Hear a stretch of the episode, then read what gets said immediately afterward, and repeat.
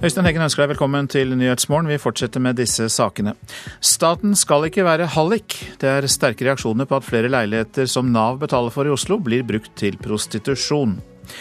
Her får du også høre mer om forskere som kritiserer Sylvi Listhaug for hennes bruk av deres forskning.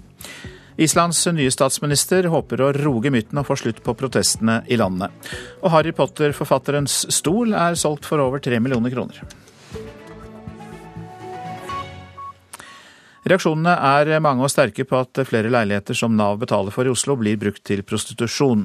Staten kan ikke opptre som hallik, mener flere politikere.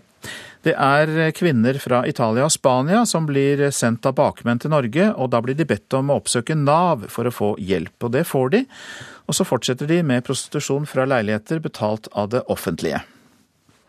It's someone that bring them here first, and later they will just tell you to go to Nav. De sender deg til Norge. De ber deg oppsøke Nav og si at du er et offer for menneskehandel. Så får du et sted å bo, og kan fortsette å prostituere deg. Bakmennene får penger, mens Nav betaler for halliken. Forteller denne unge kvinnen som sto fram i Dagsrevyen i går. Det er jo en ting vi har nødt for å ta tak i. Sier justispolitisk talsperson i Venstre, Iselin Nybø. Hun synes det er trist at kvinner som blir en del av den såkalte refleksjonsordningen, en ordning som skal hjelpe prostituerte, blir misbrukt av bakmenn. Nå setter hun sin lit til den nye politireformen, for disse kvinnene skal ha hjelp.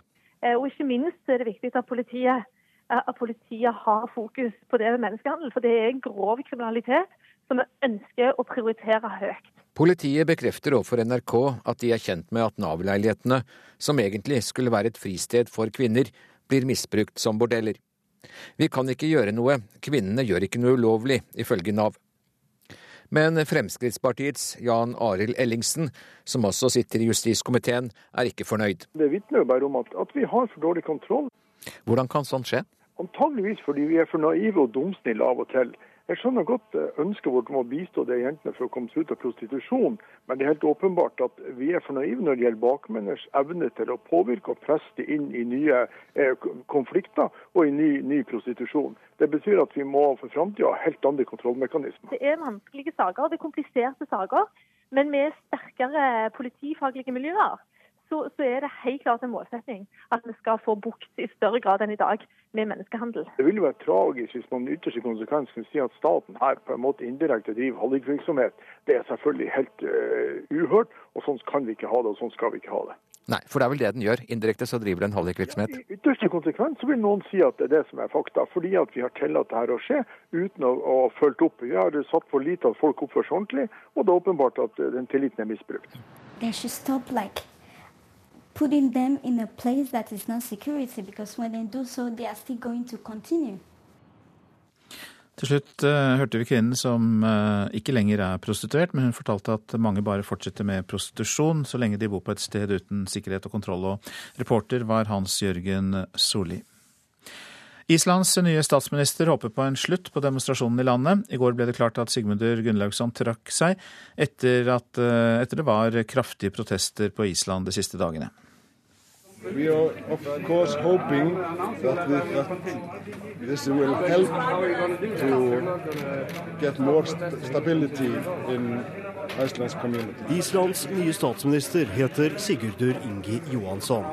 Han håper nå at situasjonen skal roe seg på Island. Han møtte pressen kort tid etter at Sigmundur Gunnlaugsson endelig bekreftet at han trekker seg som statsminister. Det skjer etter avsløringer om at han og kona i skjul eide et skatteparadisselskap med store krav mot de islandske bankene som kollapset i finanskrisen. Mange tusen islendinger har tatt til gatene for å kreve både statsministerens og regjeringens avgang. Johansson håper det holder med et bytte på toppen. Og det var eh, reporter Arne Fossland som orienterte der. Nederland har stemt nei til en EU-avtale med Ukraina. Nederland er det eneste EU-landet som ikke har godkjent avtalen.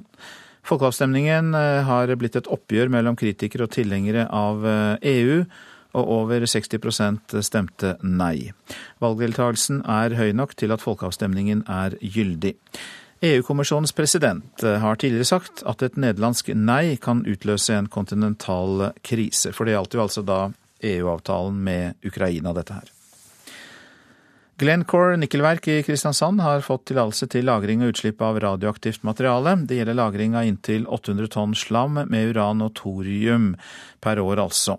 Og i tillegg får de tillatelse til utslipp i sjøen. Og de nærmeste naboene syns lite om det. Nei, jeg har jo forståelse for at det kan komme noe, eh, noen stoffer som ikke er heldige etter en sånn produksjon. Pippi, kom her. Joakim Nygaard lufter hundene sine daglig i parken ved idylliske Myren gård på Fiskåtangen, med utsikt til fabrikken. Jeg syns det er trist det skal slippes ut i sjøen. Eh, I mitt hode så må det være mulig å kunne lagre det iallfall langt inn i et fjell en plass, som gjør at ikke det kan kanskje skades av verken omgivelser eller andre ting. Bedriften er den eneste i landet som får lov til å lagre så mye som inntil 800 tonn slam med rester av uran og thorium. I tillegg slippes det ut noe radioaktivt avfall i sjøen. Dette har de gjort lenge, men med en endring i forurensningsloven i 2011 må alle virksomheter søke om lov. 160 bedrifter har så langt fått ja. Statens strålevern stoler på at Glencore overvåker det skadelige avfallet nøye, sier rådgiver Marte Holmstrand. Virksomheten har gjort en modellering av sine utslipp og funnet ut at de negative effektene på naturen er svært små. Men det stoler ikke Naturvernforbundet på. Vi frykter uh, lekkasje fra deponiet, uh, og at det kan uh, tilføre økte utslipp av radioaktivitet til havneområdet her. Så det er all grunn til å være sterkt urolig for denne tillatelsen. Leder i Vest-Agder, Peder Johan Pedersen, har klaget tillatelsen inn til Klima- og miljødepartementet. Jo, vi mener at den tillatelsen Det er altfor mye usikkerhet eh, knytta til tillatelsen. Og vi vil eh, sterkere at eh, Klima- og miljødepartementet, som skal avgjøre den klagen fra oss og eventuelle andre, at de tar inn over seg de sterke kravene som naturmangfoldloven krever til å sannsynliggjøre at dette ikke skader livsmiljøet. Glencore vil ikke stille til intervju om saken, men direktør Øyvind Stenstad sier det har vært en grundig prosess fram til tillatelsen, og viser til at dette dreier seg om små rester av radioaktivt materiale. Strålevernet har vurdert kost-nytte, og kommet til at nullutslipp ikke er gjennomførbart. De mener også at lagringen i fjell er sikker og bedre enn å slippe alt ut i sjøen. Sånn sett er det jo mye langt bedre at det her blir felt ut og tatt hånd om, istedenfor at alt skal ukritisk gå til sjø. Da Joakim Nygaard var barn, fikk de knapt lov å bade fra svabergene på Fiskotangen. Nå gleder han seg over at både det og fiske er mulig. Det går an å spise fisk, i hvert fall som blir fiska her ute. Det gjorde de jo ikke for 20 år siden. Så det har jo gått riktig vei. Da er det jo kanskje trist at er, Nå har jo ikke peiling på det, men radioaktivt avfall høres jo ikke bra ut i sjøen. Reporter i Kristiansand var Thomas Sommerseth. Vi kikker litt på avisenes forsider. Yara betalte millioner i bestikkelser til russiske direktører, er Aftenpostens avsløring fra Panama-papirene i dag.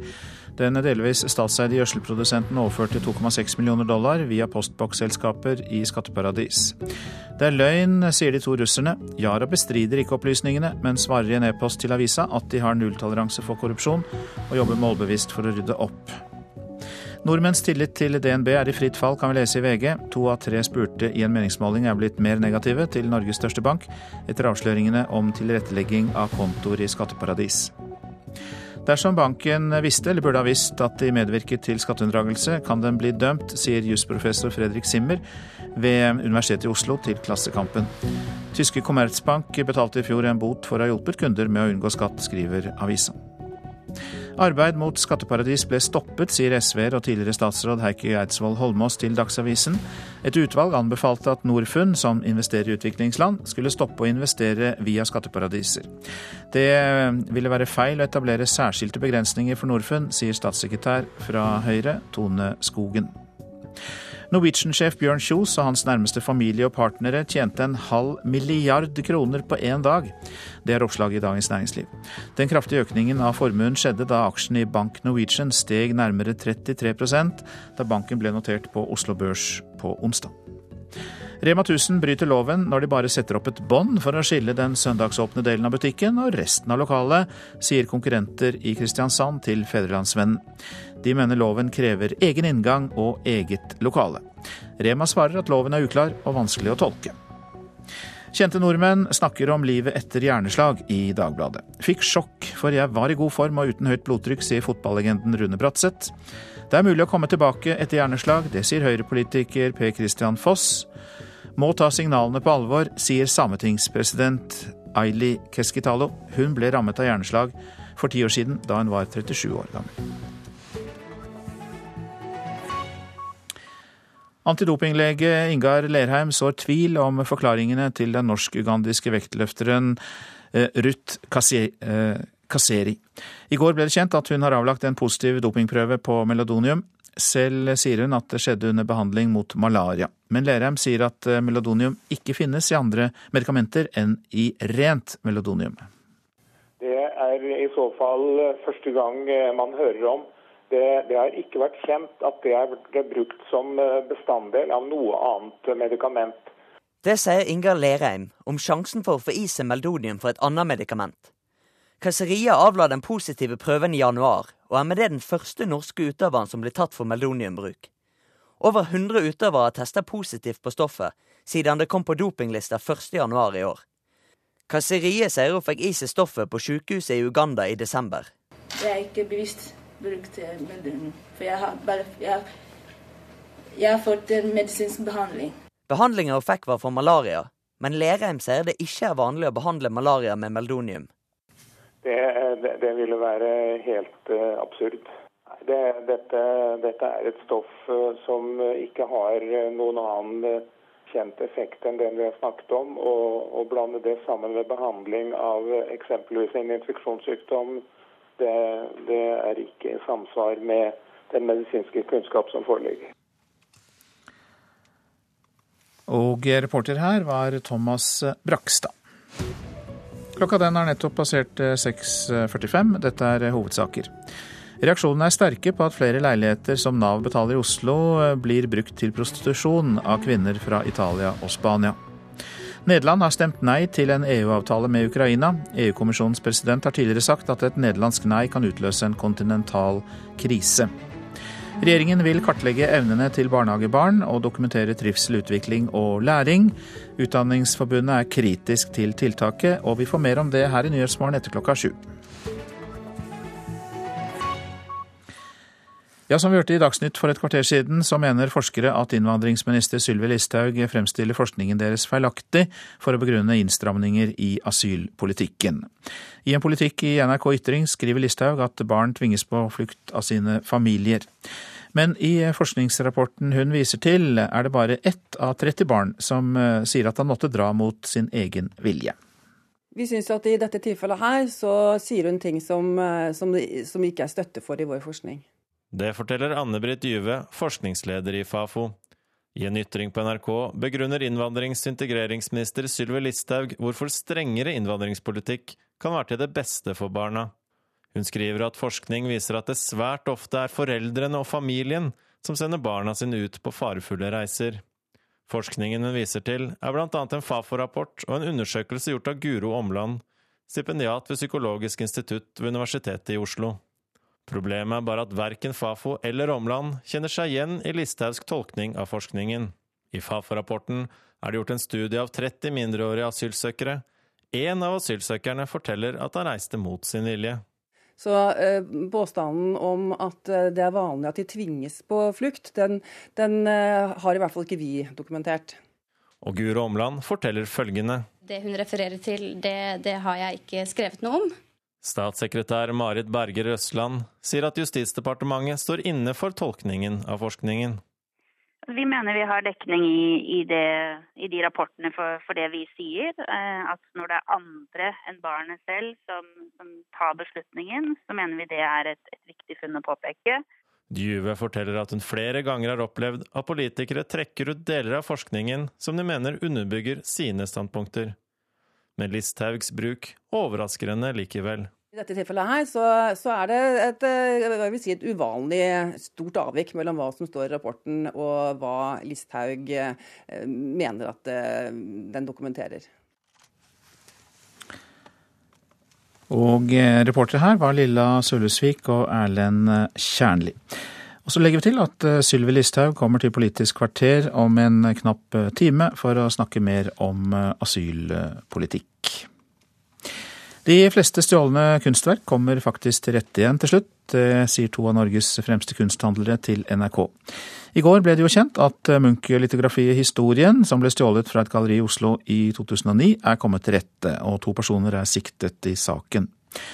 Og vår reporter var med da Knut Forsberg ved Blomkvist kunsthandel i Oslo fikk inn bildet for å sette ny verdi på det. Her har du det. Og her ser vi håndkoloreringen er veldig tydelig. Knut Forsberg fra Blomkvist kunsthandel har på hvite hansker og tar papirrollen på bordet med bar hånd. Vi står og ser på Edvard Munch sitt litografi 'Historien', som ble stjålet fra et galleri i 2009. Men denne veka ble det funnet igjen av politiet. Og det som er servesignert her, ser vi. Og det er ikke alt som er her, så det gjør det liksom litt unikt. Og så er denne påskriften som gjør at man er sikre på at dette er det som virkelig ble stjålet den gangen. Kunsttyverier det er jo eh, litt likt med andre tyverier. Det er bare at dette skal ut til et marked, det skal omsettes. Ifølge Kenneth Didriksson, politioverbetjent med kunst som fagfelt i Økokrim, er det om lag 600 stålne kunstverk på avveie i Norge, og det tallet øker. Det som er viktig å si, det er vel at tendensen i kunsttyveri er at det skjer hele tida, og det skjer stadig mer uh, vekta mot private hjem og private samlinger. Der sikkerheten er muligens ikke god nok.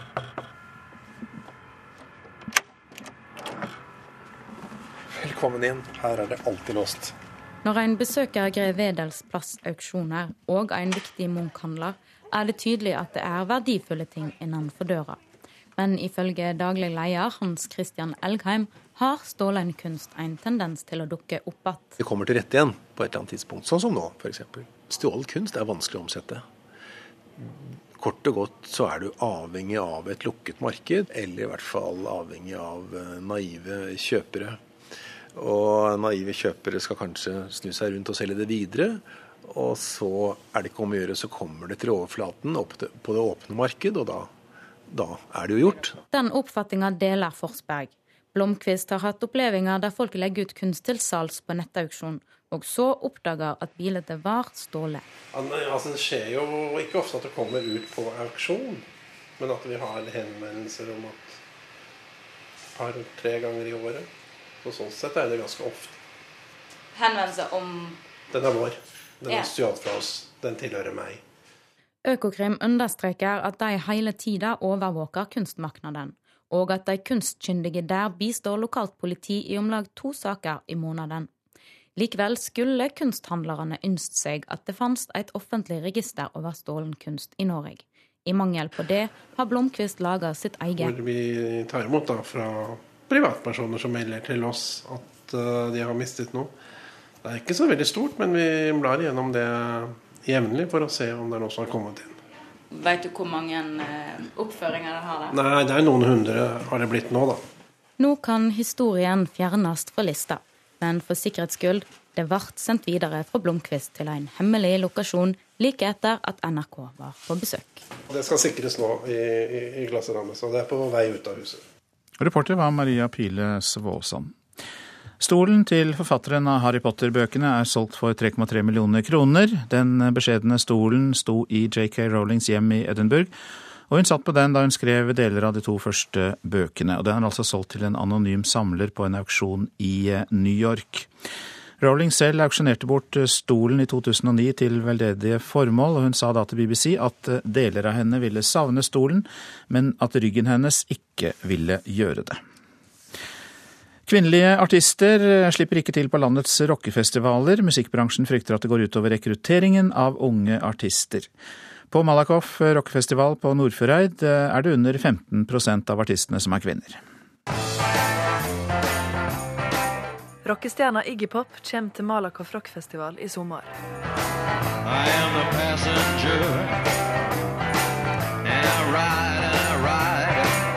Festivalen har ikke et eneste kvinnelig trekkplaster. I bunn og grunn så går det utover publikum.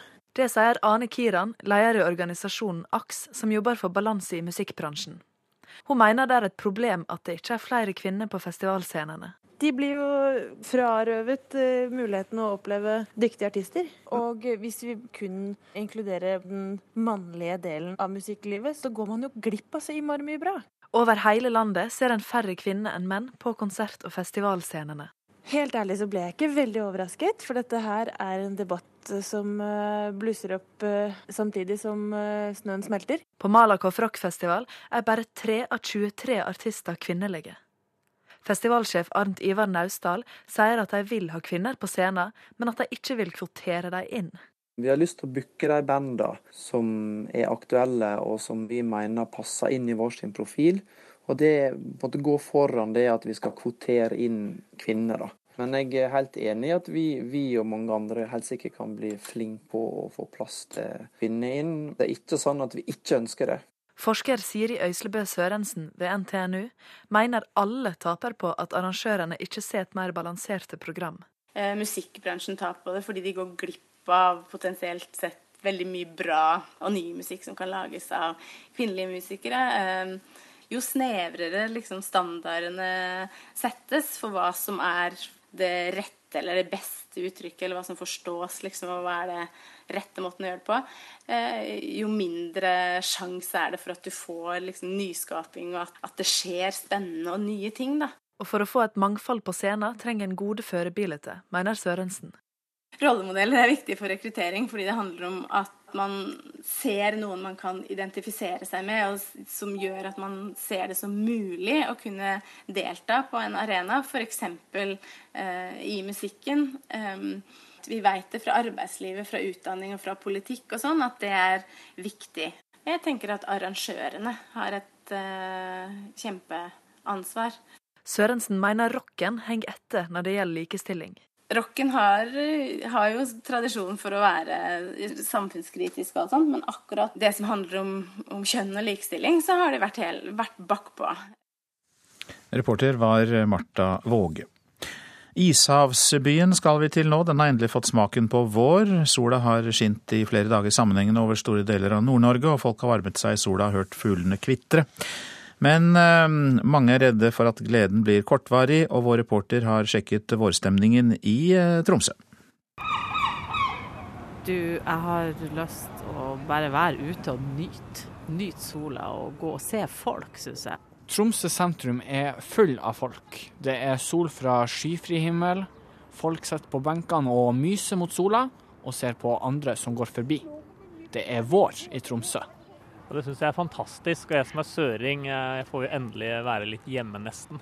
Det er fantastisk. Man må jo bare nyte hvert minutt og sitte i solveggen og bare ta til seg all sol og varme som går an til å, ja, går an til å få nå. Det syns jeg er kjempeflott. Tromsøs befolkning de vet å sette pris på at det blir vår. De fleste de liker å sette seg ned og nyte at eh, solstrålene gir varme mot kinnet. Bare gå rundt i byen, se på folk, eller gå en tur rundt Prestvannet. Eh, vi vil likevel å sitte ute og ja, Sitte ja. i sola og bare sitte i varmen og kose oss. Prate. Ja, da må jeg kjenne sola varme i ansiktet, og så høre mennesker prate og måkene og ja, ta deg en kaffe på torget også? Ja, det smaker. Vi er bare midt i april. Våren, den har kommet tidlig. Og sjøl om det nettopp har blitt vår, så sitter vi bare og venter på at det kommer en snøbyge. Jeg tenker at det kan godt snø i morgen, i overmorgen og en uke til, og så har vi to meter snø om et par uker, så jeg er ikke helt trygg. Jeg kjenner meg litt usikker, litt angstfull, men jeg nyter det. Tja, man vet jo aldri hva som kan komme om det kan komme litt snø opp i vinter igjen. Det har man jo ingen garanti for. Ja, jeg er fortsatt skeptisk hver dag jeg står opp og ser at det er blå himmel og sol, men det er jo helt fantastisk. Det er jo ingenting. Det er jo bare ja, helt, helt fantastisk. Satser på at våren er kommet for å bli. Vi nyter så lenge det varer. De aller fleste frykter det verste. At det skal komme en ny snøbyge. Men de ønsker fortsatt å holde motet oppe, og håper at det gode været, det har kommet for å bli. Egentlig så er jeg bare lykkelig for at det, det, våren er på tur. Men jeg regner jo egentlig med at eh, vi får tilbake litt Det kan fortsatt komme snø. Sånn at jeg tar det ikke på forskudd, det gjør jeg ikke. Jeg er klar for at det kanskje ennå kan bli noe snø og kaldt. Ja, jeg håper virkelig at det holder seg. Vi nyter så lenge det varer. Og eh, vår reporter og vår reporter, det var Gjermund Håkon Sett. Og værvarselet som kommer nå er ikke så veldig oppløftende for folk i nord, men først til Østafjells og fjellet i Sør-Norge. Litt sludd og snø i fjellet, ellers regn og regnbyger under 700 meter, og til kvelden lettere vær i Agder. Vestlandet sør for Stad. I ettermiddag nordlig liten kuling nord for Rogaland. For det meste skyet og enkelte regnbyger. Lokal tåke først på dagen, periode med sol på kysten. Møre og Romsdal og Trøndelag skyet, regnbyger, snøbyger i høyden. Nordland, i Lofoten og Vesterålen nordøstlig liten kuling, regn og sludd, over 300 meter snø. Og så var det Troms, da. Østlig liten kuling utsatte steder. Først på dagen nordøstlig stiv kuling på kysten i nord. Det blir regn, først i indre strøk og snø over 200 meter. Finnmark eh, nordøstlig stiv kuling utsatte steder. Øst for Slettenes liten kuling. Til kvelden noe minkende vind. Snø i indre strøk. På kysten i vest regn. Nordensjøland på Spitsbergen for det meste delvis skyet opphold. Temperaturer tar vi med oss fra klokka fem. Svalbard lufthavn minus eh, fire. Kirkenes null. Vardø pluss to. Alta null. Tromsø tre. Bodø to. Brønnøysund tre. Trondheim og Molde begge fem. Bergen fire. Stavanger fem, Kristiansand og Gardermoen fire, Lillehammer og Røros to, og Oslo og Blindern hadde fire plussgrader.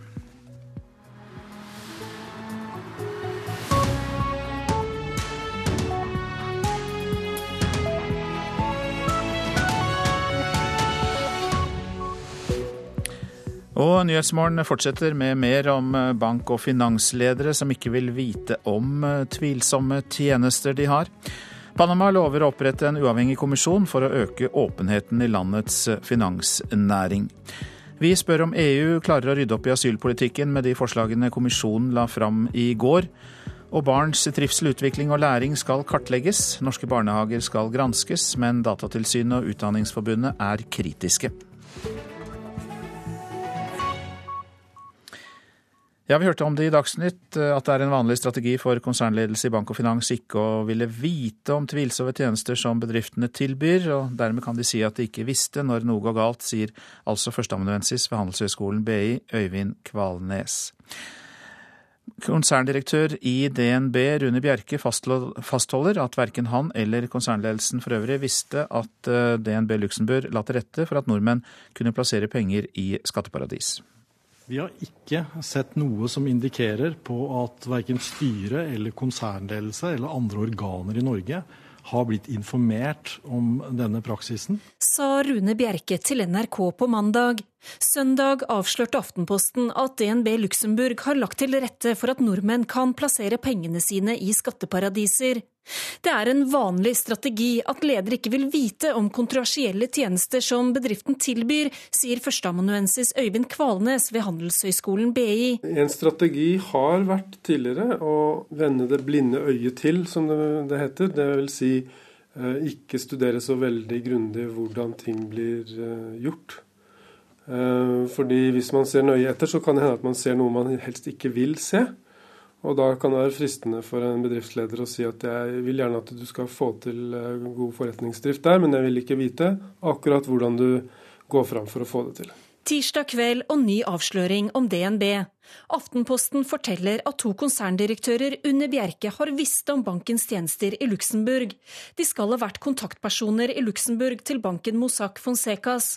Håkon Hansen, nå direktør for Private Banking, var sjef for DNB Luxembourg fra 2006, og Jarle Mortensen, nå divisjonsdirektør, var tidligere styreleder for DNB Luxembourg. Eh, jeg tror ledere har vært redde for å bli holdt ansvarlig for hva medarbeiderne deres gjør, i, ned i de minste detalj. Uh, og det kan hende at de sier dette fordi de aner at uh, her får vi bare til business hvis vi tar noen snarveier og Eh, gå litt på, på, på, akkord med det vi egentlig skal stå for. Jeg skulle veldig gjerne hatt en diskusjon i styret eller konsernledelsen i 2006 på om dette var noe DNB burde gjort. Sa Bjerke til NRK mandag. I går ba NRK om intervju med Rune Bjerke.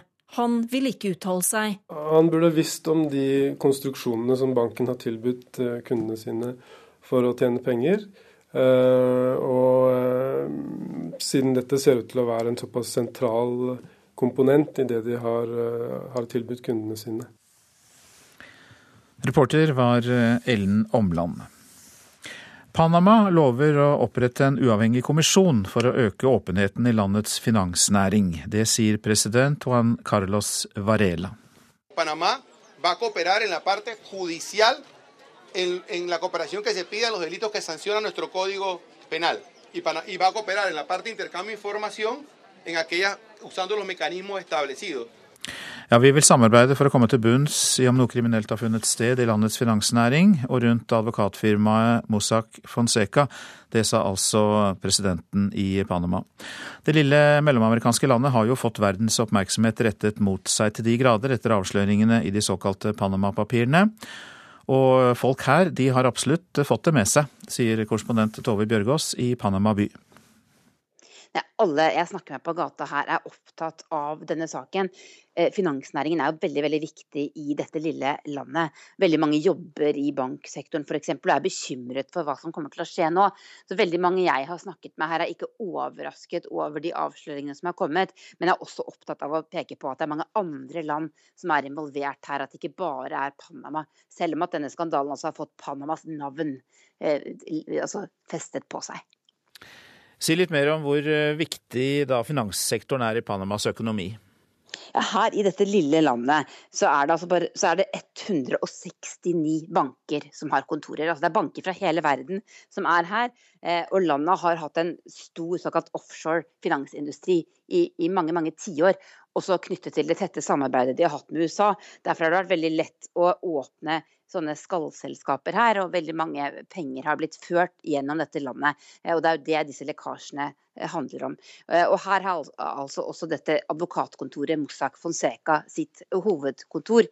Og Det firmaet har det vært knyttet skandaler til lenge før denne, denne serien med avsløringer dukket opp.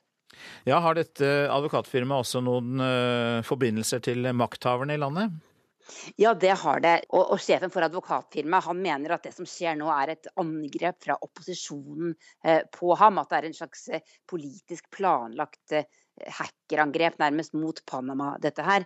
Eh, men det som også er et faktum, er at dette advokatfirmaet har kontorer rundt omkring i verden. Og kontoret deres i, Brasil det ble raidet eh, i fjor. Eh, og da ble det tatt store beslag. Så man har lenge visst at her har det foregått ting som, som, mange mener ikke har vært lovlig. Men nå kommer altså alt dette fram i lyset. Og det er klart, her i Panama så er bekymringen veldig stor for hva dette vil føre til for den helt avgjørende finanssektoren i landet. Du nevnte at det har jo vært et samarbeid mellom Panama og USA lenge. Kan også USA anklages for noe av det som skjer nå? Panama var jo eh, under USA nærmest veldig lenge. Panamakanalen kjenner alle til. Og først i 1999 så ble Panama et helt eh, selvstendig land. Eh, og mange mener at USA har latt det som foregår her, skje. Og, og i USA og her så, så, så roper mange nå på, på, reformer og mer gjennomsiktighet, og mener at tidspunktet er kommet for virkelig å røske opp i dette systemet som har fått holde på slik i, i så mange tiår. Og fra Panama til Island, eh, som har merket virkningene av Panama-papirene. Seint i går kveld så bekreftet altså Islands eh, statsminister at han faktisk går av. Sigmundur Gunnlaugsson sa at han trekker seg etter avsløringene om at han og kona i skjul leide et skatteparadisselskap, og det hadde store krav mot islandske banker som kollapset i finanskrisen. Og dermed er det nestleder i Fremskrittspartiet som tar over, og vi legger til at Fremskrittspartiet på Island er et sentrumsparti. Vi snakker altså om Sigurdur Ingi Johannesson og reporter Jan Espen Kruse Reykjavik. Hvem er han? Ja, Han eh, har hittil eh, vært eh, landbruks- og fiskeriminister. Han er ikke en veldig profilert politiker, og spesielt utenfor Island så er det få som kjenner, kjenner til han. Han skal altså ha denne litt utakknemlige oppgaven med å, styre Island fram til nyvalg på et eller annet tidspunkt ut på, ut på høsten. Og så det kan eh, skje ganske mye fram til da. Og vi har jo sett de siste dagene eh, hvordan misnøyen har vært her. Og han blir sett på som en politiker som står veldig nært den avgåtte Sigmundur Gunnlaugsson. Og det er jo ikke noen stor kapital å ha med seg i bagasjen når man skal styre landet akkurat nå. Og eh, Johansson, eh, hvordan er reaksjonene blant folk på at eh, han tar over? Ja, de er veldig delte. Eh, demonstrantene de er jo fryktelig eh, misfornøyde med det. De som har stått på eh, og demonstrert nå i flere dager sammenhengende, de sier at han er bare mer av det samme. De har ikke tillit til han, de har ikke tillit til det partiet han er nestleder i.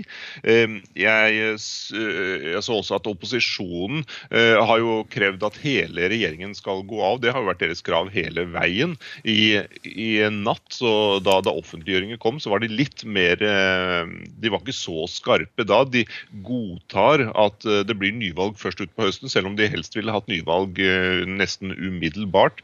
Men de er ikke fornøyd med resultatet de i opposisjonen. Folk kommer sannsynligvis til å, i hvert fall en del, til å fortsette protestmarkeringer. Jeg spurte selv Johansson sånn i natt hva han uh, sier til folk som uh, uh, Til demonstrantene som er misfornøyde med at det er nestlederen i det samme partiet som tar over. Altså, De får bare vente og se hvordan dette går. Så han hadde ikke noen voldsom programerklæring akkurat. Takk skal du ha, Jan Espen Kruse, som rapporterte for, rapporterte for oss fra Reykjavik. Nå til Nederland. Der har flertallet av velgerne ignorert regjeringens ønske og stemt nei til EU-avtalen med Ukraina. Nederland er eh, det eneste EU-landet som ikke har godkjent Ukraina-avtalen, og folkeavstemningen er blitt et oppgjør mellom kritikere og tilhengere av EU. Eh, e Nervøs stemning i Haag idet resultatene tikka inn i går kveld. Well, uh, at the moment, uh, there is still a preliminary outcome. We are not sure, not sure yet if 30% uh, Vi vet ikke om mer enn 30 av folk har stemt. Det er fremdeles ikke sikkert, sier Nederlands utenriksminister Bernt Konders, og viser til den avgjørende terskelen på 30 Stemmer færre enn dette, er ikke avstemninga gyldig. Uansett er den ikke bindende, bare rettledende. Likevel, med rundt 60% som har stemt mot, sier han at det er et sterkt politisk signal. Den nederlandske regjeringa, som for tida har formannskapet i EU, har frykta dette resultatet. Og det er ikke første gang nederlenderne utfordrer EU. For elleve år siden stemte de til liks med franskmennene nei til EU-grunnlova. Denne gangen er temaet EU sin handels- og samarbeidsavtale med Ukraina. I alle fall er det det som står på stemmesedlene. Like mye blir det sett på som en mulighet for folket til å si hva de synes om EU. Ikke alle synes dette var en god idé. Jeg vil ja stemme. Ja for et fordrag. Jeg vil stemme ja. Det betyr ja til avtalen, sa ei kvinne på gata i Amsterdam til Reuters i går. Jeg synes det er idiotisk at vi må ha en avstemning om det. Jeg har en kjensle av at de som ønsker denne avstemninga, har en helt annen agenda enn Ukraina. De vil ut av EU, og dette er jeg sterkt imot. La oss støtte Ukraina. Det virker som korrupsjonen der har gått i været. Og kanskje dette er veien til mindre korrupsjon.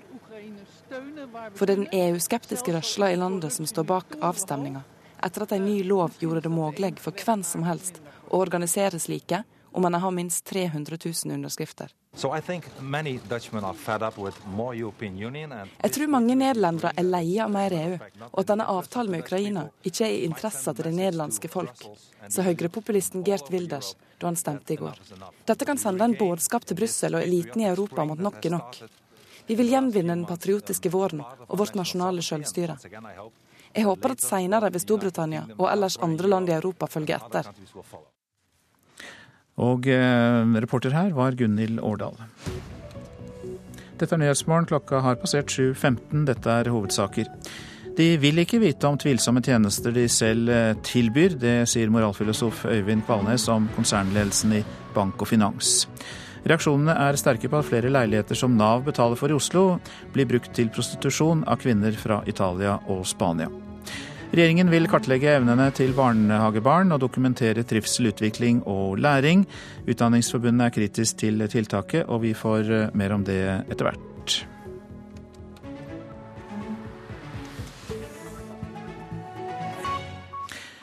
EU-kommisjonen la i går fram eh, reformforslag for Dublin-avtalen, en avtale som jo regulerer hvilket land som har ansvaret for å behandle en søknad om beskyttelse. Hovedregelen er da at søknaden skal behandles av det første landet asylsøkeren kommer til. Og forskningssjef Ipsos MMI, Jan Pål Brekke, velkommen hit. Takk. Du har jo sett på de alternativene kommisjonen legger fram. Ingenting er jo vedtatt ennå, men hvor langt syns du kommisjonen går for å reformere denne Dublin-avtalen? Ja, De eh, legger frem to løp, og de har ikke bestemt seg ennå for hvilket løp som, som, blir valgt. Men et mykere løp og et hardere løp, kan man si. Det mykere løpet er at de vil lappe på den ordningen man har i dag og at man, eh, det er sånn at landene eh, asylsøkere først kommer til, er de som skal ha hovedansvaret. Det er den mykere, enklere overgangen. Og at man da i tillegg skal kunne ha eh, en, en, ja, fordelingsordning, og at man skal kunne presse andre medlemsland til å ta imot i tilfeller hvor det kommer mange. Men den andre ordningen, det de liksom peker på, det som peker langt fremover, er en ordning hvor de som kommer til et første land, disse randsonelandene, de skal i prinsippet videre. Så hovedregelen vil da bli at de blir fordelt i medlemslandene i, eh, som er med i Dublin. Så virkningen av den harde og myke løsningen, som vel ikke blir bestemt før nærmere sommeren, eh, kan bli ganske forskjellig?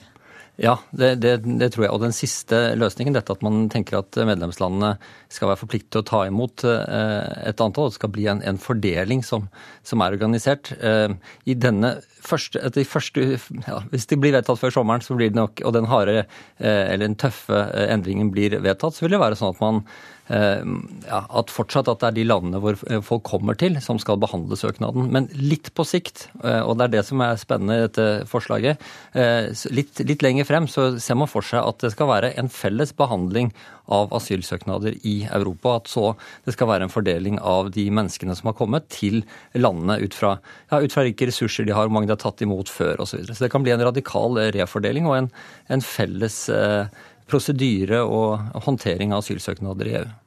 Og Det må jo tolkes som en mer rettferdig ordning, at eh, det ikke bare er landene langs Middelhavet som eh, tar imot eh, så mange flyktninger? Ja, og dette rettferdighetsspørsmålet det har jo vært viktig i diskusjonen av Dublin og reformeringen av hele det felles asylsystemet i, i Europa.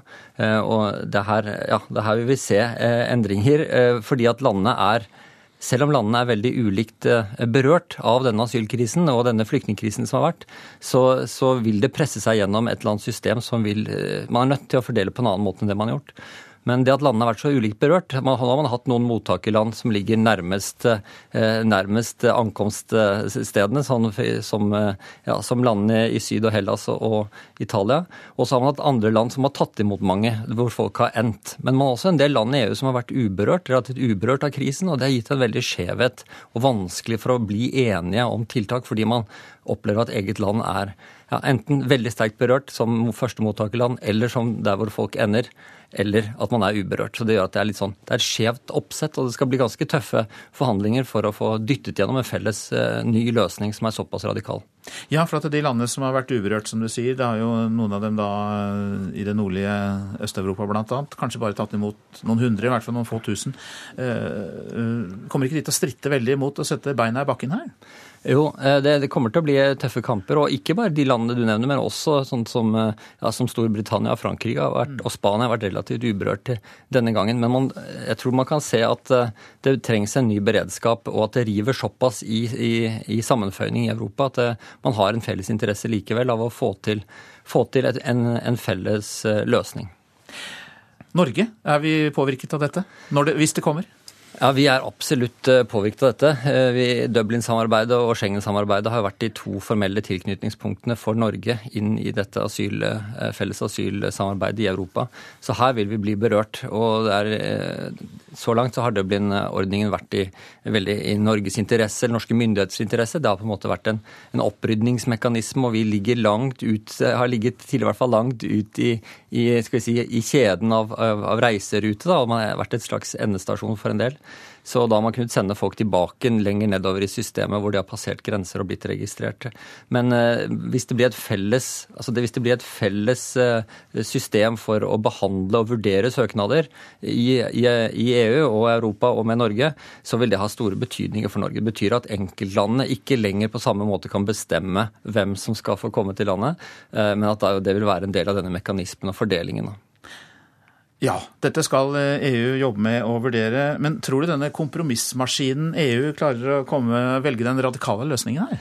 Jeg tror, jeg tror, de ser for seg at noe må gjøres på sikt. Og det å lappe på Dublin-systemet Systemet fungerte skal vi si medium eller medium minus allerede før de høye ankomsttallene i fjor høst. sånn at det blir en, en tøff oppgave å få dette, få dette i land. Men et, man ser at man må gjøre ganske store grep, og at små lappinger Da vil man ikke kunne komme videre forbi alle disse gnisningene som det fører til, for det har truet selve samarbeidet i EU. Mange takk skal du ha, Jan Pål Brekke, som er forskningssjef ved Ipsos eh, MMI. Nå om norske barnehage, barnehagebarns ferdigheter som skal kartlegges. Regjeringen vil at hvert enkelt barns trivsel, utvikling og læring skal dokumenteres. Men det er bl.a. Utdanningsforbundet og Datatilsynet skeptiske til.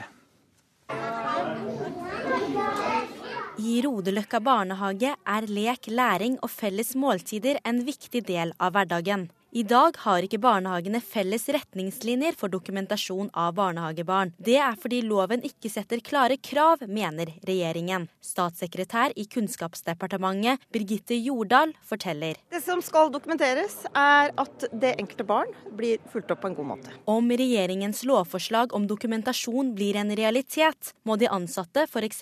dokumentere om barnet tar kontakt med andre barn under måltidene, og om barnet tar initiativ til lek. Pedagogisk politisk leder i Rodeløkka barnehage, Rikke Messel, er kritisk til en dokumentasjon av barnehagebarn. Jeg er sterkt imot at vi skal bli pålagt å dokumentere hvert enkelt barns ferdigheter. Eh, det strider imot eh, norsk barnehagepedagogikk og ja, min faglige vurdering. Leder i Utdanningsforbundet, Steffen Handal, er også kritisk til regjeringens lovforslag. Vi er imot dette forslaget fordi eh, det vil legge opp til at vi leter etter feil hos barnet, istedenfor å se etter muligheter for utvikling. Det andre som vi mener er uheldig, det er at man vil legge opp til en masse dokumentasjon av vurderingsarbeid som egentlig ikke trenger å eller dokumenteres. Datatilsynet frykter at barnas personopplysninger ikke vil bli godt nok ivaretatt, sier direktør i Datatilsynet Bjørn Erik Thon. Ja, det som er det dramatiske i dette, er jo at det kan bli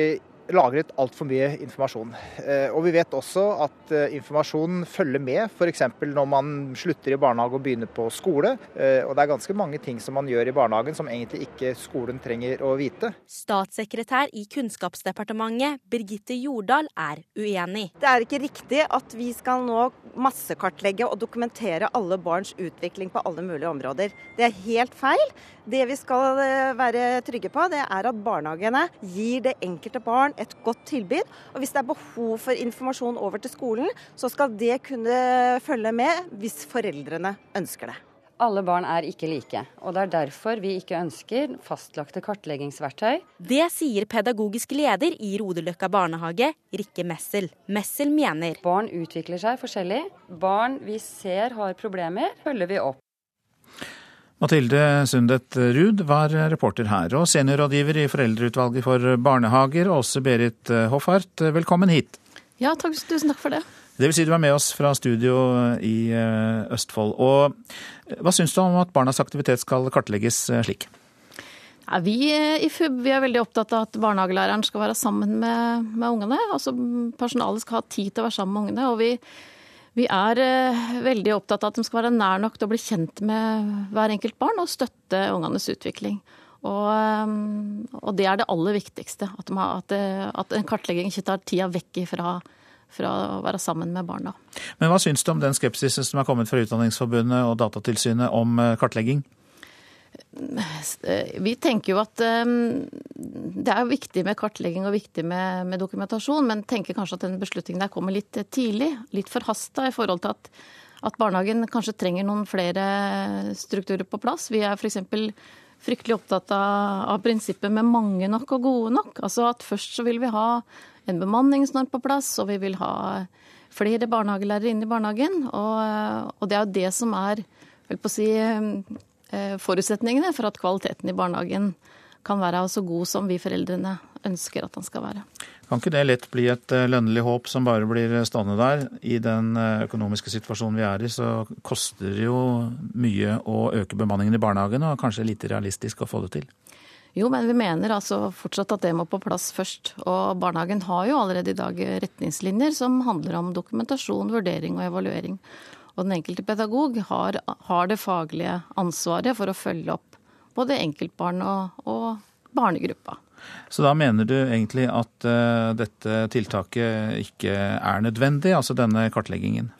Vi, vi, mener nok kanskje at først må vi ha på plass strukturene, og så, og så kan eh, dokumentasjonskravet komme. Og det handler jo selvfølgelig om at foreldre også trenger god dokumentasjon for sitt barn når, når, det er behov for det. Men vi er skeptiske til at alle barn trenger denne eh, omfattende dokumentasjonen og kartleggingen. Hva er da viktigst for foreldrene sett fra Foreldreutvalget for barnehager? Det aller viktigste det er at de voksne er nær nok eh, og bygger relasjonen til barna og se og følge barnas trivsel og utvikling. Det er det aller, aller viktigste. Hvordan skal de klare å få det til? Vi, eh, vi, er jo igjen tilbake til disse her strukturelle bestemmelsene som vi snakker om. Altså dette med å få på plass bemanninga og få på plass eh, gode gode kompetanse i barnehagene. Og det kan være kompetanse selvfølgelig også for flere barnehagelærere, men også gode kompetanseordninger for barnehagepersonalet generelt. Takk skal du ha, seniorrådgiver i Foreldreutvalget for barnehager, Åse Berit eh, Hoffart. Så eh, legger vi til at du lytter til Nyhetsmorgen. Produsent i dag er Kari Bekken Larsen. Her i studio Øystein eh, Heggen. I reportasjen etter Dagsnytt så skal vi høre om Helen Clark fra New Zealand, som kan bli FNs første kvinnelige generalsekretær. Det er altså i reportasjen etter Dagsnytt, og i Politisk kvarter så kommer innvandringsminister Sylvi Listhaug. Eh, og et av spørsmålene blir selvfølgelig om eh, hun eh, bruker forskernes resultater om asylbarn feil eller riktig. Det har vi jo hørt om tidligere i denne sendingen.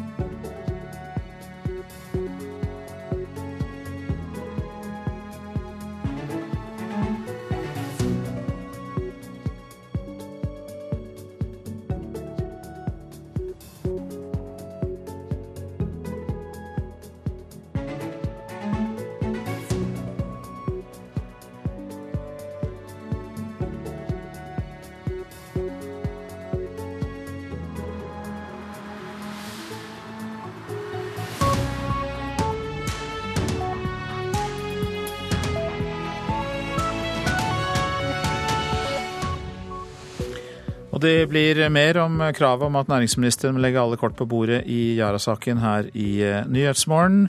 Mer blir det også om striden eh, om eh, unge asylsøkere mellom forskere og innvandringsministeren.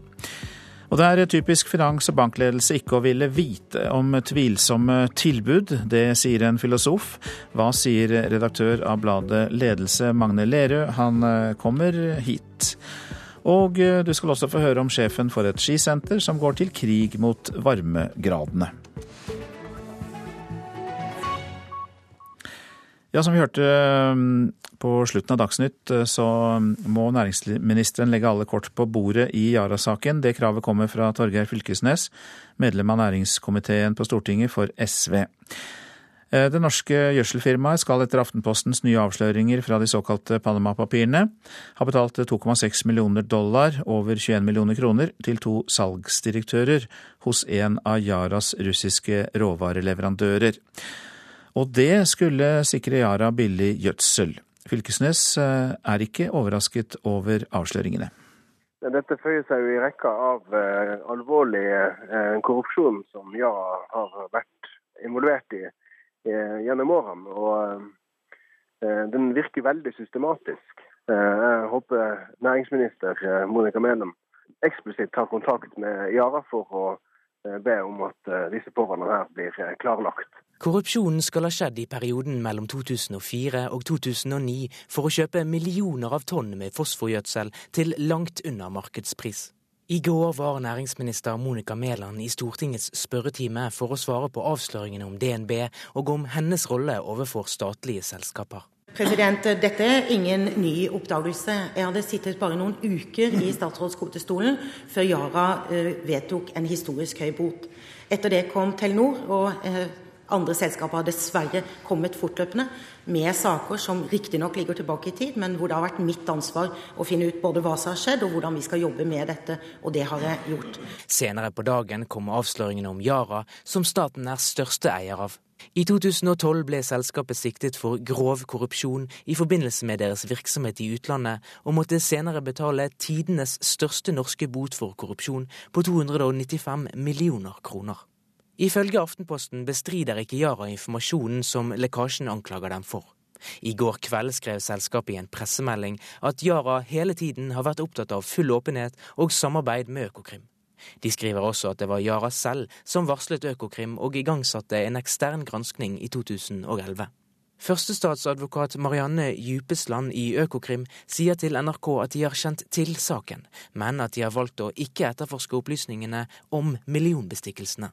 Eh, Økokrim har ikke etterforsket akkurat disse kommisjonsutbetalingene. Yara har vedtatt et forelegg for andre kommisjonsutbetalinger, eh, men vi avgrenset saken mot dette fordi disse forholdene har for fjern tilknytning til norsk strafferett. Leder av finanskomiteen Hans Olav Syversen fra KrF er også skuffet over at nok et delvis statseid selskap er innblandet i korrupsjon. Man får jo da etter hvert et inntrykk av at dette er det ikke noe enkeltstående tilfelle som man kan kanskje skylde på en enkelt person, men at det mer fremgår at dette har vært eh, en ukultur som nå avdekkes, og som er sterkt å beklage. Reporter var Eirik Tufteland Kroken. Kommunikasjonssjef Kristin Nordahl i Yara sier selskapet har ryddet opp i forholdene for lenge siden. Hun mener at det bare er navnet på selskapet Yara handlet med som er nytt i saken Aftenposten bringer i dag. Det er eh, lekkasjer fra Panama-papirene som igjen eh, gjør Yaras korrupsjonssak aktuell. Ja, I 2011 eh, så varsla Yara Økokrim og igangsatte en ekstern granskning. Økokrim fikk tilgang til alt materialet hos Yara, og, og Økokrims etterforskning stemmer også godt overens med med funnene i Jaras Yaras granskning. Så Sånn vi ser det, så er saken som Aftenposten har i dag, eh, en gammel sak. som vi, eh, Informasjon om dette la vi frem på en pressekonferanse i 2012. Og Det eneste vi sånn sett ikke la frem da, var navnene på Eurochem. På den tiden var jo saken under etterforskning. Og Som også er veldig godt kjent og behørig dekka i medier, så godtok Jeg kjente erkjente Yara straffskyld i 15.1.2014 og aksepterte en foretaksstraff. Mm, tidenes største bot var det? Det stemmer. Og Yara har hele tiden vært opptatt av å komme til bunns i det her eh, sakskomplekset og rydde opp. Og vårt arbeid med etikk og, og etterlevelse av regler og lover fortsetter i dag med uforminska styrke. Yara har en nulltoleranse for korrupsjon. Det er et grunnleggende prinsipp for oss. Derfor ja, har vi også brukt masse tid på denne saken. Kommunikasjonssjef Kristin Nordahl i Yara til reporter Hedvig Bjørgum. Det er en eh, vanlig strategi for konsernledelse i bank og finans ikke å ville vite om tvilsomme tjenester som bedriften tilbyr. Dermed kan de si at de ikke visste når noe går galt. Det sier filosof og førsteamanuensis ved Handelshøyskolen BI, Øyvind Kvalnes. Det har vi hørt nå i sendingene på morgenen. Konserndirektør i DNB Rune Bjerke fastholder at verken han eller konsernledelsen for øvrig visste at DNB Luxembourg la til rette for at nordmenn kunne plassere penger i skatteparadis.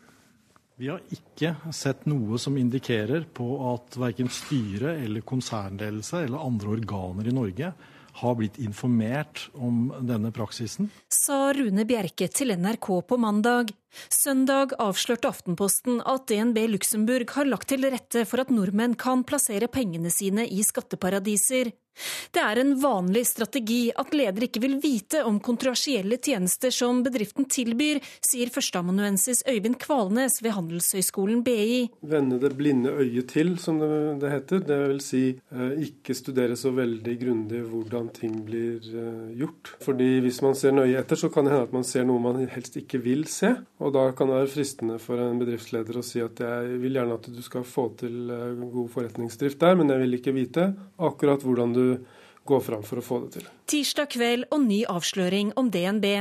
Aftenposten forteller at to direktører under Bjerke har visst om bankens tjenester i Luxembourg. Det kan hende at de sier dette fordi de aner at uh, her får vi bare til business hvis vi uh, tar noen snarveier og uh, går litt på, på, på akkord med det vi egentlig skal stå for. Jeg skulle veldig gjerne hatt en diskusjon i styret eller konsernledelsen i 2006 på om dette var noe DNB burde gjort. Sa Bjerke til NRK mandag. I går ba NRK om intervju med Rune Bjerke. Han vil ikke uttale seg. Han burde visst om de konstruksjonene som banken har tilbudt eh, kundene sine for å tjene penger. Reporter var eh, Ellen Omland. Og nå er du med oss, Magne Lerøe, redaktør i ukeavisen Ledelse. Velkommen. Takk for det. Ja, vi hørte filosof og førsteamanuensis ved Handelshøyskolen BI Øyvind Kvalnes uh, si at ledere velger å ikke vite, velger å ikke se hva som skjer. Er det vanlig? Det er veldig vanskelig å si hvor vanlig det er, men det er iallfall mange nok som velger den strategien. Ehm, og Det er ikke bare ledere i næringslivet, det er jo politikere også som eh, bruker eh, den typen teknikker. For, for, det er, som vi hørte her, at i det øyeblikket du får vite om noe, så forventes det at du gjør noe med det. Så det er en god del ting eh, toppsjefer eh, er glade for de ikke egentlig får på sitt bord. Eh, men så vet de at hvis de aner at det er virkelig bomber i organisasjonen, så blir de nødt til å hente saken opp. Fordi at det er så truende hvis, hvis det skal bli kjennskap til. ikke sant? Og det er jo det vi ser nå i denne situasjonen. Men veldig ofte så virker da den strategien ikke å ville vite. Ja, eh, og det er jo, noen har jo gjort dette også til en, til en, til en veldig sånn avansert strategi. altså Hvis du går inn i forhold til politikk og etterretning, så snakker du om benektbarhet. Altså Vi må etablere benektbarhet slik at dersom saken dukker opp, så må en eller annen statsleder eller en politiker kunne si nei, dette har jeg ikke kjennskap til. Så Derfor så gjelder det også nå å drive et spill, slik at man kan ha et eller annet å vise til. Nei, men han visste ikke om det. Eh, det er det ene. Og det andre er på en måte det, det, Man trikser til med begreper. Hva er det å vite?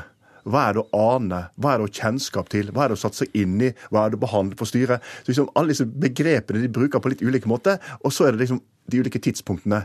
Det er også trikset en del med. slik at det blir litt forvirrende å få, eh, oversikt over hva som faktisk har skjedd. Men, men, når saken går så langt som i DNB nå, så blir man nødt til å få oversikt. For det, det forlanger man rett og slett av styret. Så jeg tror at, eh, at vi, til slutt så får vi en ganske sånn troverdig historie på bordet. Um, og det var derfor også nå vil nå DNB nå vil ikke si noe mer, for nå vil de være sikre på at det de sier, det er det hold i. Men Kleber ansvaret før eller siden eh, til topplederne? Ja, det gjør han. For eh, det kan være like stort problem at en toppleder ikke tar fatt i ting som han burde vite noe om. Altså En toppleder aner jo selvsagt at dette foregår. Selvsagt aner Bjerke det. Men han har ikke sett det som noe sånn, altså, som, som sånn vesentlig ting. Og Grunnen til det er at dette holder jo bankene på med. De er jo ikke alene om å hjelpe folk til å opprette konto i skatteparadiser. Altså, flere av selskapene som staten er inne på eiersiden, til og med Norfund, altså statlig fond, vi bruker skatteparadiser. Så det å opprette Så han har vært opptatt av sørg for at alt vi gjør er lovlig.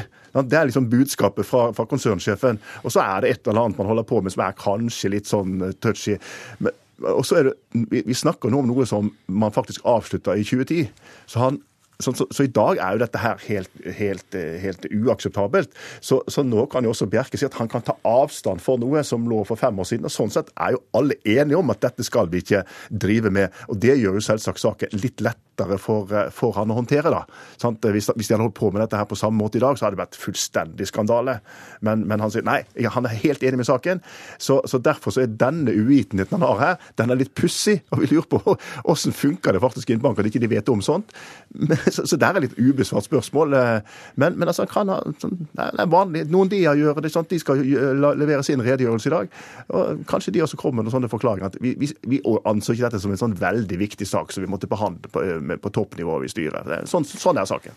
Men uh, tror du at noen kommer til å skjære igjennom, sånn som eh, Eva Jolie eh, tok til orde for i går? Hun er jo fransk-norsk tidligere etterforsker, faktisk. Hun vil jo at, man, at Økokrim skal ta DNB fatt og etterforske. Tror du det kommer til å skje? Nei, det tror jeg ikke kommer til å skje. Ikke hvis det kommer Da må det komme fram noe som tyder på at DNB har gjort noe ulovlig. Men altså, det er ikke kommet fram noe sånt ennå. I det øyeblikk noen, noen, sier at det DNB har gjort her, det er ulovlig, ja, så vil selvsagt Økokrim måtte gripe fatt i saken. Men, men altså, nå har de gjort ting som er litt sånn i gråsonen, og, og, og, og, så mange banker gjør, og da, da, slipper man fri. Og hvis politikerne virkelig vil rydde opp, så skal vi, si vi skal slutte med dette. Norske finansinstitusjoner skal ikke hjelpe kunder med å etablere konto i skatteparadiser. Men er det noen som virkelig vil ta, ta, ta det standpunktet? Da vil vi få ryddet opp. Takk skal du ha, Magne Lerøe, redaktør i ukeavisen Ledelse. Dette er Nyhetsmorgen, klokka har passert eh, kvart på sju. Og kvart på åtte skal det være, og vi har disse hovedsakene. Ledere i Bank og Finans de vil altså ikke vite om tvilsomme tjenester de selv tilbyr. Det har vi hørt filosof og førsteamanuensis ved BI si, Øyvind Kvalnes. Og eh, vi har jo også nå nettopp eh, hørt at Magne Lerøe, redaktør i ukeavisen Ledelse, bekrefter at slik er det. Næringsministeren må legge alle kort på bordet i Yara-saken, krever SVs Torgeir Fylkesnes. Gjødselfirmaet skal ha betalt bestikkelser for å få billigere råvarer. Yara sier de har ryddet opp. Og vi skal møte sjefen for et skisenter i Hallingdal som går til krig mot varmegradene.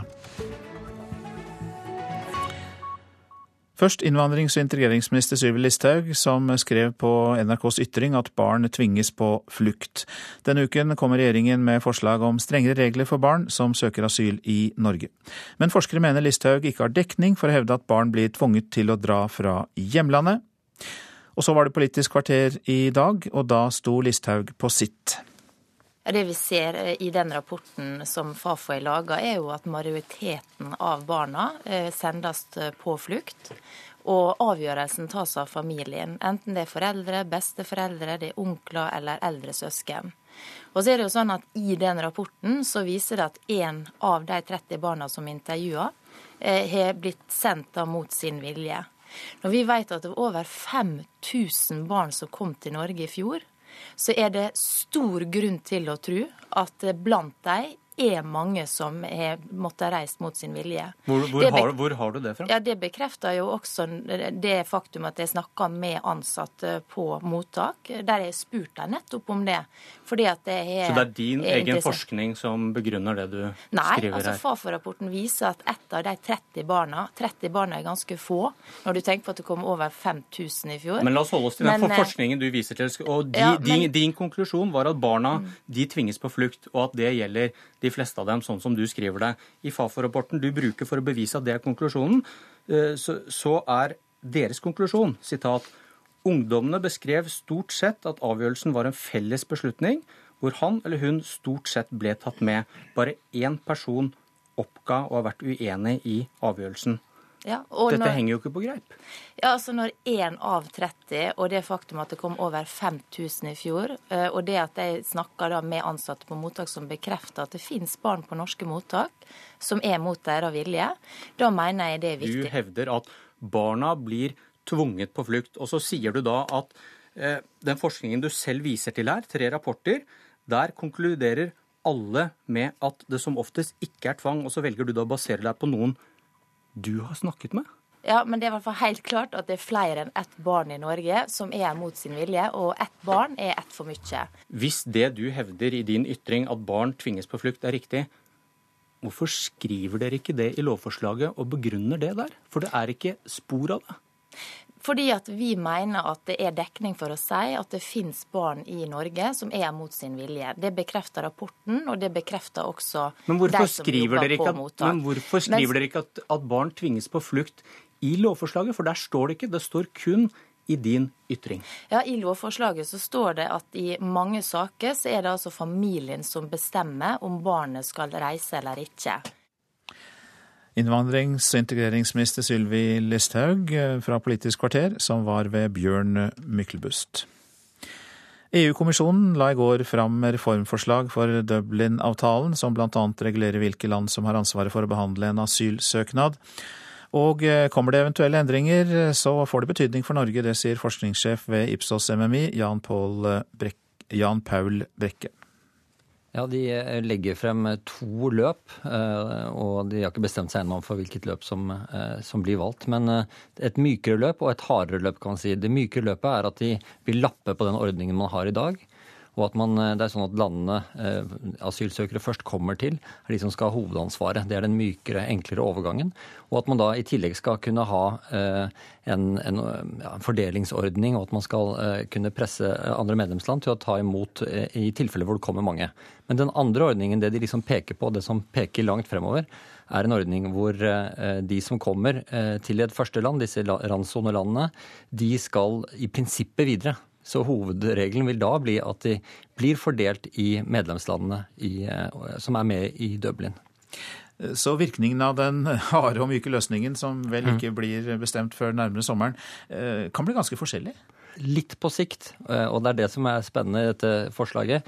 Eh, litt, litt lenger frem så ser man for seg at det skal være en felles behandling av asylsøknader i Europa. At så det skal være en fordeling av de menneskene som har kommet, til landene ut fra, ja, ut fra hvilke ressurser de har, hvor mange de har tatt imot før osv. Så, videre. så det kan bli en radikal refordeling og en, en felles eh, prosedyre og håndtering av asylsøknader i EU.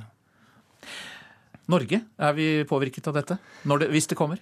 Ja, Vi er absolutt eh, påvirket av dette. Eh, Dublin-samarbeidet og Schengen-samarbeidet har vært de to formelle tilknytningspunktene for Norge inn i dette asyl, eh, felles asylsamarbeidet i Europa.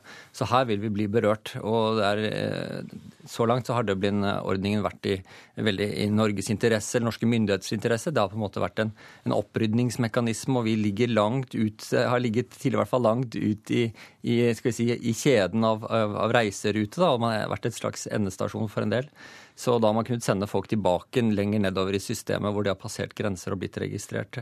Men eh, hvis, det blir et felles, altså det, blir et felles eh, system for å behandle og vurdere søknader i, i, i, EU og Europa og med Norge, så vil det ha store betydninger for Norge. Det betyr at enkeltlandene ikke lenger på samme måte kan bestemme hvem som skal få komme til landet, eh, men at det vil være en del av denne mekanismen og fordelingen.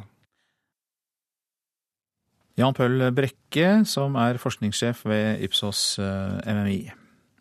Flertallet av de nederlandske velgerne har ignorert regjeringens ønske og stemt nei til EU-avtalen med Ukraina. Nederland er det eneste EU-landet som ikke har godkjent Ukraina-avtalen, og folkeavstemningen er blitt et oppgjør mellom kritikere og tilhengere av eh, unionen. Nervøs stemning i Haag idet resultatene tikka inn i går kveld. Well, uh, at the moment, uh, there is still a preliminary outcome. We are not sure, not sure yet if 30% uh, Vi vet ikke om mer enn 30 av folk har stemt. Det er fremdeles ikke sikkert, sier Nederlands utenriksminister Bernt Konders, og viser til den avgjørende terskelen på 30% Stemmer færre enn dette, er ikke avstemninga gyldig. Uansett er den ikke bindende, bare rettledende. Likevel, med rundt 60% som har stemt mot, sier han at det er et sterkt politisk signal. Den nederlandske regjeringa, som for tida har formannskapet i EU, har frykta dette resultatet. Og det er ikke første gang nederlenderne utfordrer EU. For elleve år siden stemte de til liks med franskmennene nei til EU-grunnlova. Denne gangen er temaet EU sin handels- og samarbeidsavtale med Ukraina. I alle fall er det det som står på stemmesedlene. Like mye blir det sett på som en mulighet for folket til å si hva de synes om EU. Ikke alle synes dette var en god idé. Jeg vil ja stemme. Ja for et fordrag. Jeg vil stemme ja. Det betyr ja til avtalen, sa ei kvinne på gata i Amsterdam til Reuters i går. Jeg synes det er idiotisk at vi må ha en avstemning om det. Jeg har en kjensle av at de som ønsker denne avstemninga, har en helt annen agenda enn Ukraina. De vil ut av EU, og dette er jeg sterkt imot. La oss støtte Ukraina. Det virker som korrupsjonen der har gått i været. Og kanskje dette er veien til mindre korrupsjon.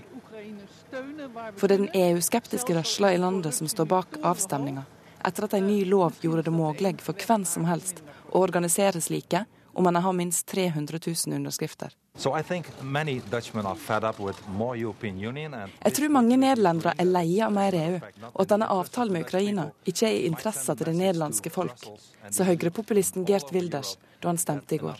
Dette kan sende en budskap til Brussel og eliten i Europa om at nok er nok. Vi vil gjenvinne den patriotiske våren og vårt nasjonale selvstyre. Jeg håper at senere vil Storbritannia og ellers andre land i Europa følge etter. Sa utenriksreporter Gunhild Årdal. Heisen ved Ål skisenter i Hallingdal går så det suser, til tross for at termometeret viser mange varmegrader. Både treningsgrupper og skoleklasser trosser vårtemperaturene for å tilbringe hele dagen i slalåmbakken. Og nå vil til og med daglig leder Knut Einar Haug starte sin egen krig mot varmegradene. Vi har starta en krig mot varmegradene, ja, med å prøve å iallfall vinne noen slag. Og det går på at vi som flere andre anlegg, kjøper kjøpe inn duk og skal prøve å lagre snøen over sommeren. Daglig leder Henning Solhaug i Geilo skisenter vil følge opp suksessen fra i fjor, da skisenteret lagra store mengder snø hele sommeren under en duk i Hafsdalen. Dette er en kamp mot klimaet, sier Solhaug. Det er rett og slett fordi at vi registrerer som alle andre at eh, klimaet blir varmere etter kort. Eh, så eh, vi må ta tak i det og sørge for at vi kan være snøsikre. Vi har jo en, en klar målsetning om å, å, starte sesongen tidligere enn det har vært gjort tidligere. og I fjor så etablerte vi prosjektet og hadde en veldig god teknisk løsning. Og hadde ganske masse treningsgrupper i århus fra vi åpna i september og fram til ordinær åpning. Hvor mye betyr tidligere åpning i et skisenter som Geilo? Du kan si Foreløpig så er det, det er jo ikke de store økonomiske gevinstene i det, men jeg tror det at uh, på sikt uh, det å, å, være ledende innenfor dette, her, det, det, tror jeg vil ha alt å si. Og det at da gjestene våre vet at på Geilo der er det snøsikkert uansett, det, det tror jeg vil være avgjørende for oss framover. Også på Storefjell vil de legge snø under en gedigen plastduk i sommer. Direktør Arne Nibstad sier til NRK at går alt som planlagt, vil de kunne åpne deler av alpinanlegget minst en måned tidligere enn vanlig. Daglig leder Andreas Smith Eriksen i Hemstad skisenter kommer derimot ikke til å satse på å lagre snø over sommeren. Vårt anlegg er for stort til at en slik løsning skal bli fornuftig, sier Smith Eriksen. Knut Einar Haug i Ål skisenter vedgår at han er en novise med omsyn til snølagring. Derfor har han tatt kontakt med den beste ekspertisen her i landet på denne fronten. Nei, Nå har ikke vi gjort dette for, da, men vi har vært i kontakt med folk som skal ha god greie på det. Deriblant Geir Olsen, som hadde jobba i Sotsji med snøen der. og, og eh, du et eh, Du lager en stor haug som de sier skal se ut som en hvalrygg. Og så dekker du den da med en duk som eh, eh, vi kjøper inn. Og forhåpentligvis så skal det ligge rundt 20 000 kubikk i en sånn haug. Reporter her, det var Gunnar Grims Tveit. Ja, Nord-Norge, folk der vil vel ikke akkurat gå til krig mot varmegradene etter det finværet de har hatt, eh, statsmeteorolog Terje Alsvik Valle? Nei, men nå er det ikke så fint lenger. Det har skjedd et eh, stort eh, værskifte, så nå er det jo nedbør over mesteparten av Nord-Norge. Og det har vært såpass kjølig natt at den har kommet i hvit form, særlig indre Finnmark. Også i indre Nordland har det vært nedbør som sludd mange steder. Og f.eks. i Kautokeino så er jo snødybden eh, hele 70 cm nå, så det er kommet mellom 5 og 10 cm nysnø i løpet av natten der. Det fortsetter med litt nedbør utover dagen i Nord-Norge, men temperaturen går litt opp, så det blir nok mest som sludd eller regn, iallfall i lavliggende terreng og opp til kuling fra øst på kysten av Finnmark. Og I landet for øvrig så er det vel ganske grått. Det gløtter sola fram noen steder? Ja, nå i morgentimene så ser man iallfall solen rundt eh, Kristiansand f.eks. Så ganske fint vær der nå i morgentimene. Det vil nok dukke opp en og annen byge der eh, senere i dag, men iallfall gode sjanser for litt sol av og til på Sørlandet. Det samme gjelder egentlig Vestlandet, at det er håp om å se solen iallfall litt til og fra, særlig ettermiddagstimene. Og Telemark og Østlandet får nok mye skyer det meste dagen med litt regn av og til. Og så blir bygeluft med både sludd og regnbyger over Trøndelag og Møre og Romsdal. Mange takk skal eh, du ha. Da runder vi av med å si at Elin Pettersen var ansvarlig for eh, nyhetene på radiosendingene. Produsent for Nyhetsmorgen Kari Bekken Larsen, teknisk ansvarlig Espen Hansen, og her i studio i dag Øystein Heggen.